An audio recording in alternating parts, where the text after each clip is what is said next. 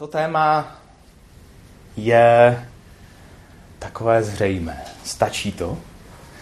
A mě by docela zajímalo, jak často si tuhle tu otázku klademe v dnešních dnech a možná jak často jsme si kladli od našeho útlého věku. Já si pamatuju, když, eh, když jsem byl eh, hodně malý, tak eh, jsem dostal za úkol něco uklidit doma. Když jsem uklidil třeba ten pokojíček, nebo kousek zahrady, nebo tamhle pohrabal listí, tak vlastně jsem si říkal, jako bude to stačit? Budou mý rodiče s tím spokojeni, jak jsem to udělal? Pak člověk přišel na základní školu a teď seděl v té lavici, byla to pohoda a najednou zaznělo to jeho jméno. No? Kantor půjde k tabuli. Takže jsem se postavil před tu tabuli a, a byly mi kladeny otázky a, a já jsem prožíval obavu, jestli to bude stačit. A to, co, a to, co prostě po, podám, to, co řeknu. A pak člověk šel na vysokou a, a bylo to téměř to stejné. Na každém kroku vlastně tam zněla ta otázka, jestli, jestli ten můj výkon, to, kým jsem, to, co podám, jako bude stačit. Ale tím to neskončilo, když člověk získal ten titul a začal jsem chodit s dívkou, spělo to k tomu, že bude následovat manželství a tak vlastně někde na pozadí byla ta otázka, budu stačit? Budu stačit jako, jako manžel? Pak přišly děti a říkal jsem si, budu stačit, budu dostatečný jako, jako táta. Pamatuju si na svůj první pohovor v práci, kdy jsem se po škole prostě strašně klepal, jestli jako v tom, co budu říkat, bude aspoň, aspoň smítko něčeho, co je zaujme a, a kvůli čemu si mě třeba a, vyberou. A, a to byl trošičku můj život. No. Nevím, jak často se si tu otázku, jestli stačím, jestli jsem dostatečný, jestli to stačí, ten můj výkon, kladli vy, ale z toho, jak, jak vnímám, jaký jsme jako lidé, tak bych řekl, že si tu otázku klademe hodně často.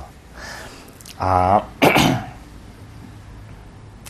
nejhorší na té otázce je to, že se dá hodně těžko vlastně podat uspokojivá odpověď.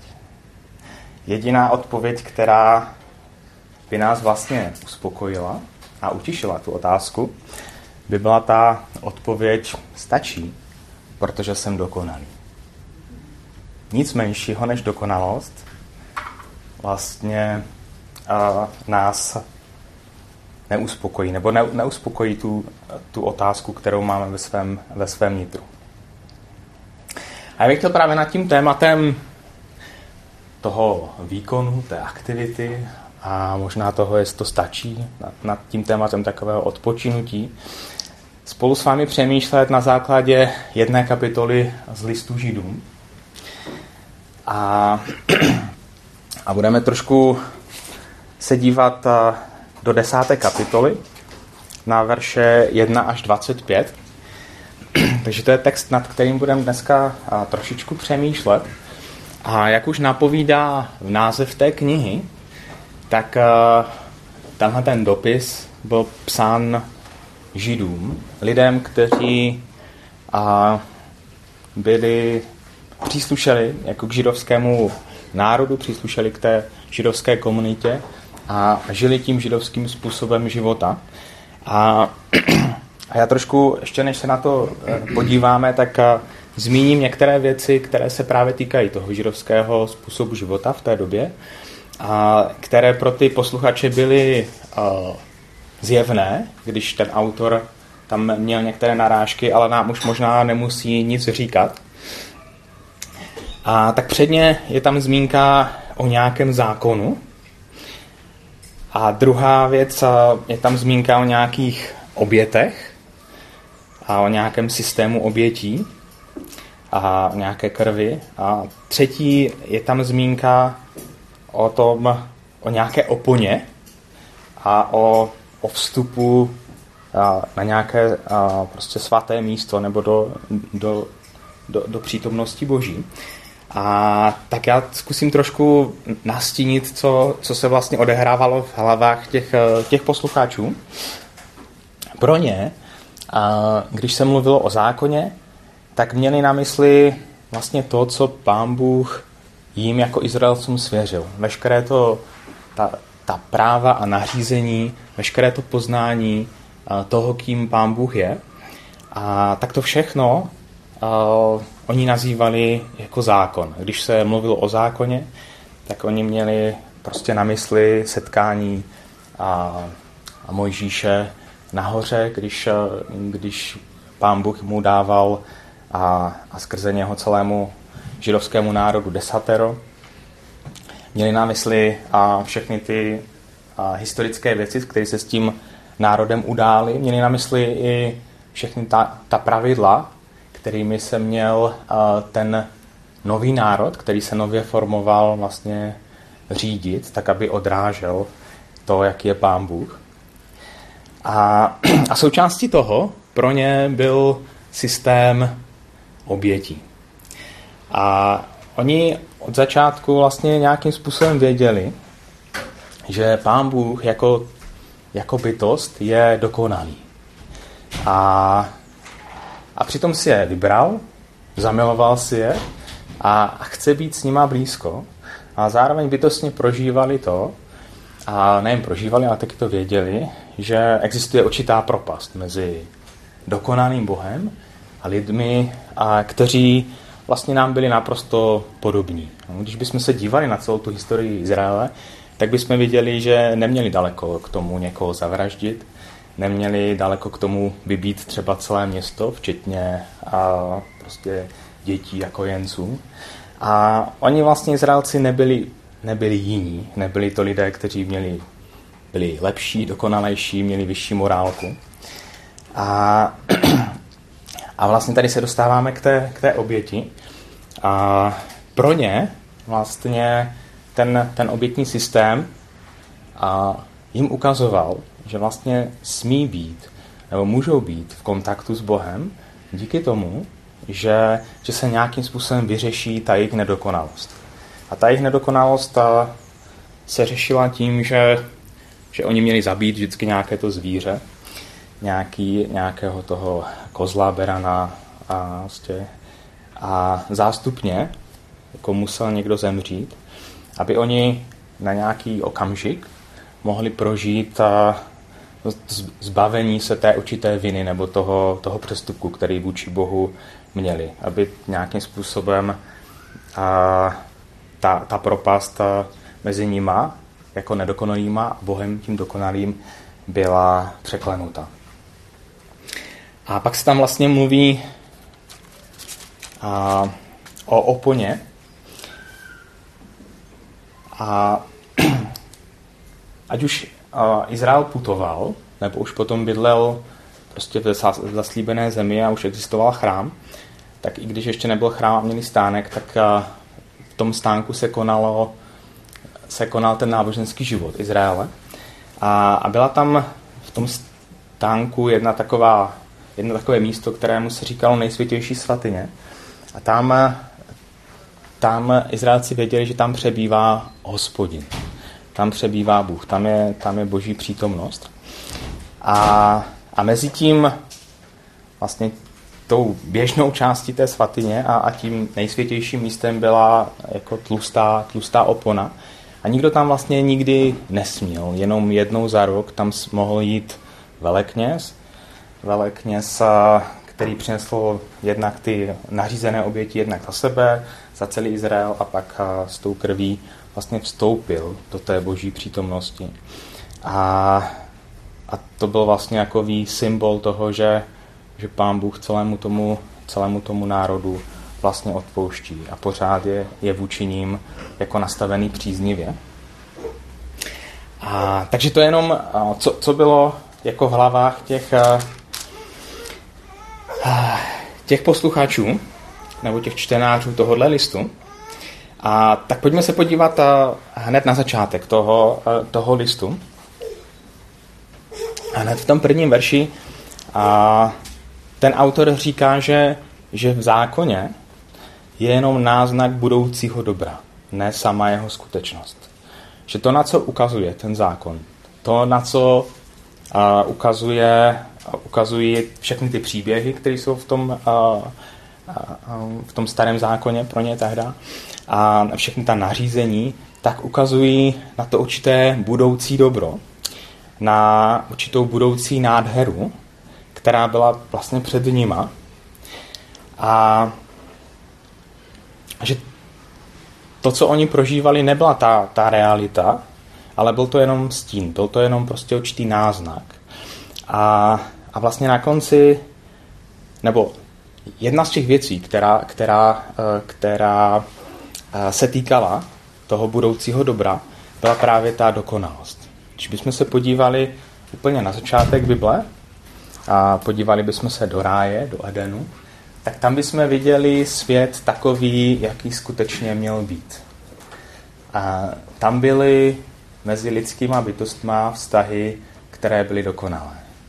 Tam Adam ani Eva nemohli říct, že něco je nefér, že někdo se mnou jako jednal špatně. Nic takového tam neexistovalo. Až do určitého okamžiku. A jako tam v zahradě Eden byla dokonalost. Adam i Eva jako žili dokonale ve vztahu jeden vůči druhému, vůči přírodě i vůči Pánu Bohu. Nebylo tam žádné narušení, nebyla tam žádná nedokonalost.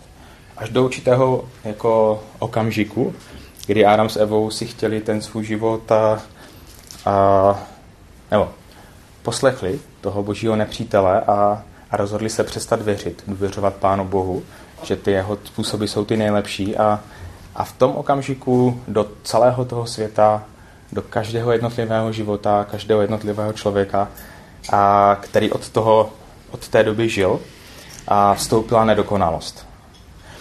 A, a ten autor listu židům těm, těm židům říká, to, co pro vás má hospodin, je dokonalost. On pro vás má ten stav, kdy odpověď na tu otázku to stačí a bude, odpově- bude zodpovězena kladně, jako jste dokonalí. Už není, e, není potřeba žádná změna.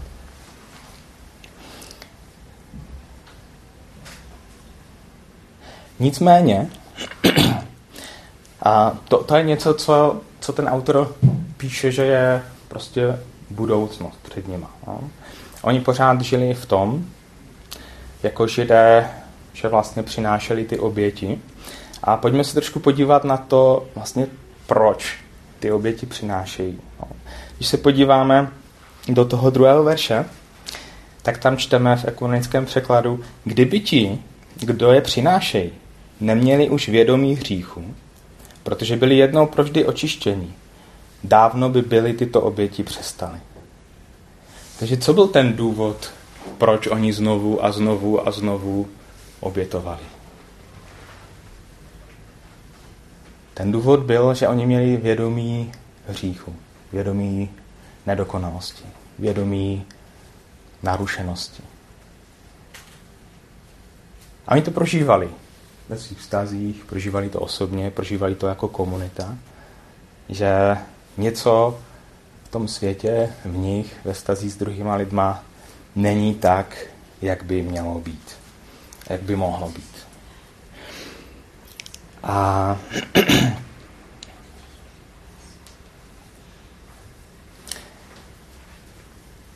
A i když přinášejí ty oběti, tak my čteme potom dál v tom textu, že je přinášejí denně.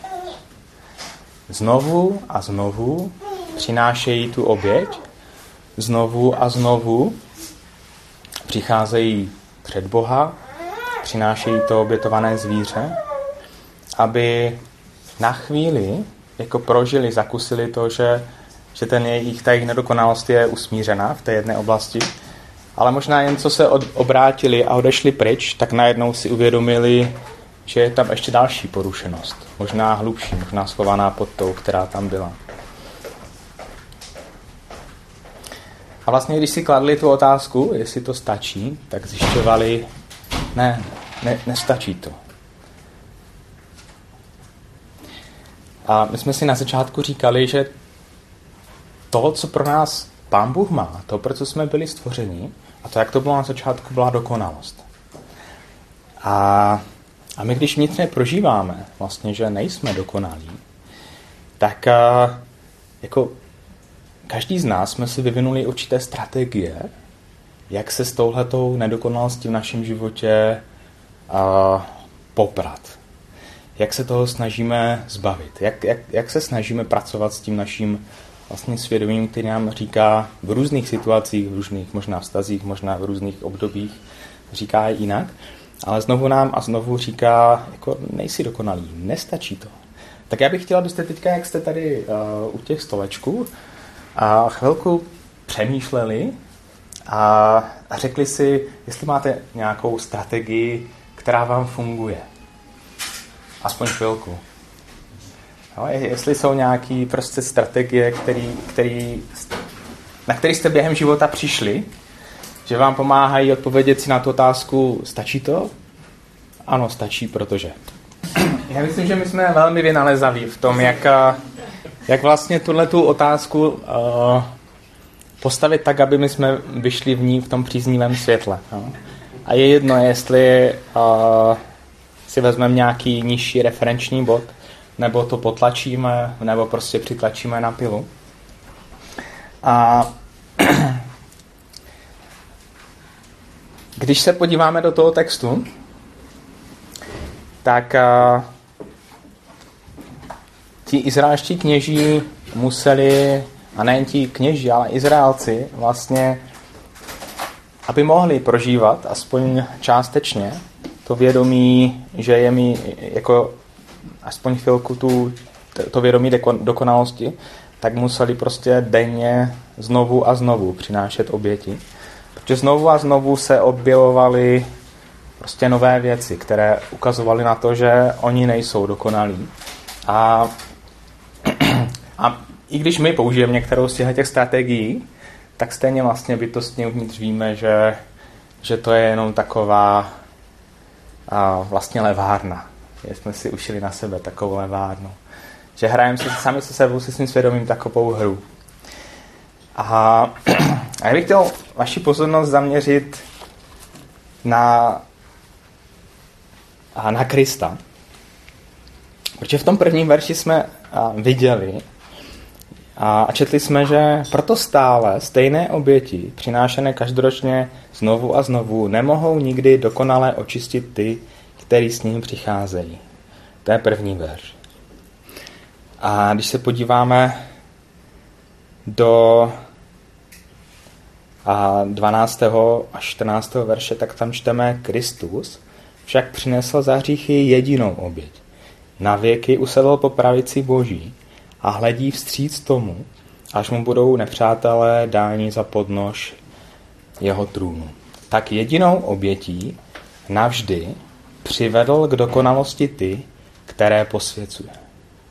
Ten oddíl začíná tím, že naše aktivita, možná náš tlak na výkon nebo na nevýkon, jako nás nikdy nemůže přivést k dokonalosti.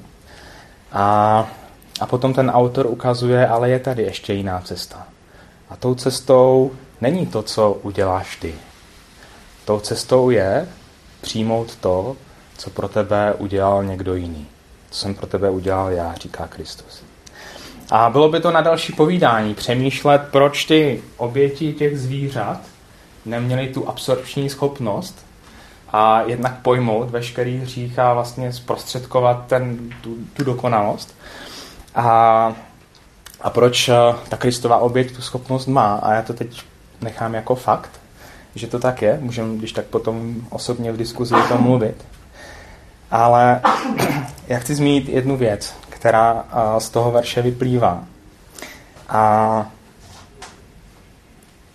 když Ježíš přinesl tu oběť, kam si potom sednul? Kde sedí teďka? Po pravici. Po pravici boží. v té starověké kultuře to bylo tak, že po pravici krále seděl ten druhý nejvlivnější člověk. Pokud se dělo nějaké klíčové rozhodnutí, tak eh, ten král se nakláněl na svou pravou stranu, kde byl ten rádce, který, kterému důvěřoval, který přinášel ten a, a prostě určité pohledy, informace tomu králi. A byl to někdo, kdo, kdo měl tímto obrovskou, a, obrovské postavení, obrovskou autoritu. A my čteme, že, že Ježíš teďka v tuhle tu chvíli sedí po pravici Boží.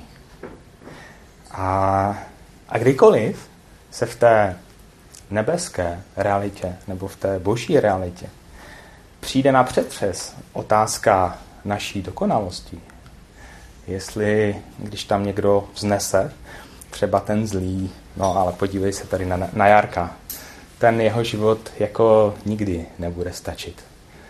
Tak, a, tak ten, který sedí po pravici boží, říká, stačí, protože on je dokonalý.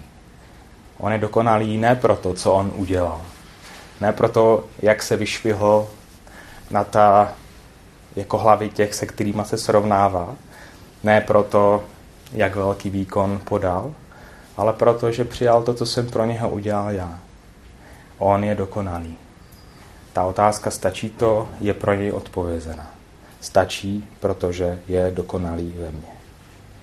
Je dokonalý v Kristu. A, a je jedno, jestli jsme věřící, nebo o Pánu Bohu vůbec nepřemýšlíme. Jako tahle ta otázka, jestli stačím, tak je hluboko v každém z nás a každý z nás na ní hledáme odpověď.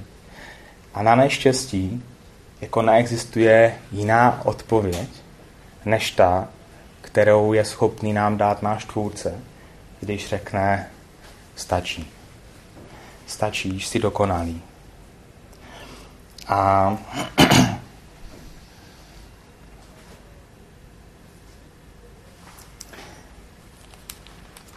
tenhle ten list je psaný Židům.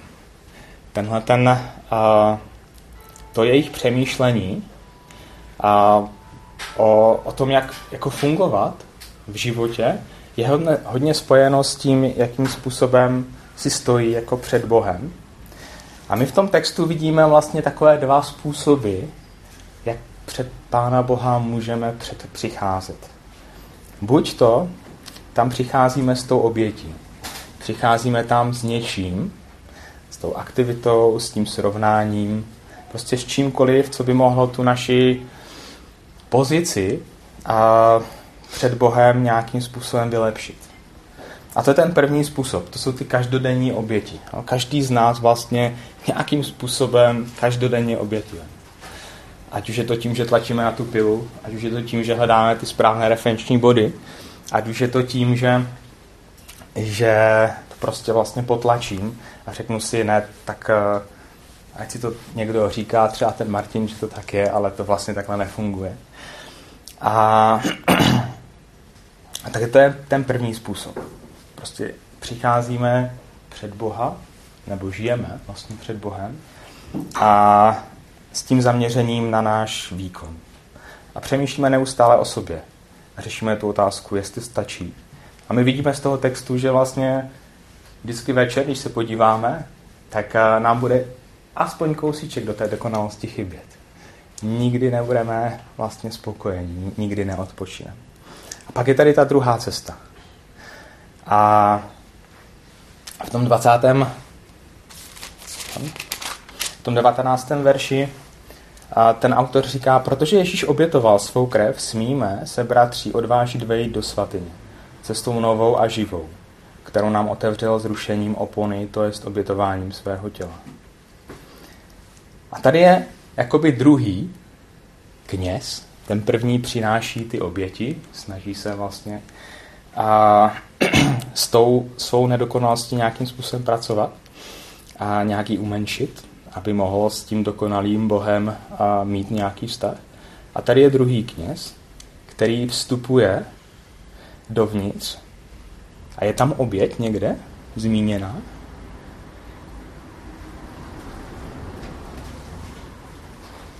O žádné oběti se tam nečte v tom textu. A čteme tam znovu a znovu, že potřebujeme spočinout, potřebujeme přijmout to, co Ježíš pro nás udělal. A pokud to uděláme, tak můžeme s vědomím toho, že jsme dokonalí a vstoupit jako před Pána Boha. A vstoupit do jeho přítomnosti.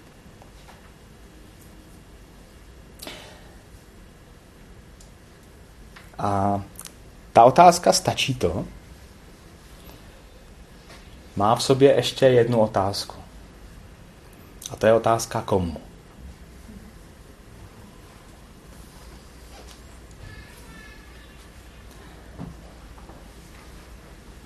A možná je to můj šéf, možná je to můj partner, možná jsou to moje děti. A určitým způsobem vyzývají mě a v tom, jestli stačí. A, a je to důležité, je to důležité, je to důležitá otázka a potřebujeme o ní přemýšlet.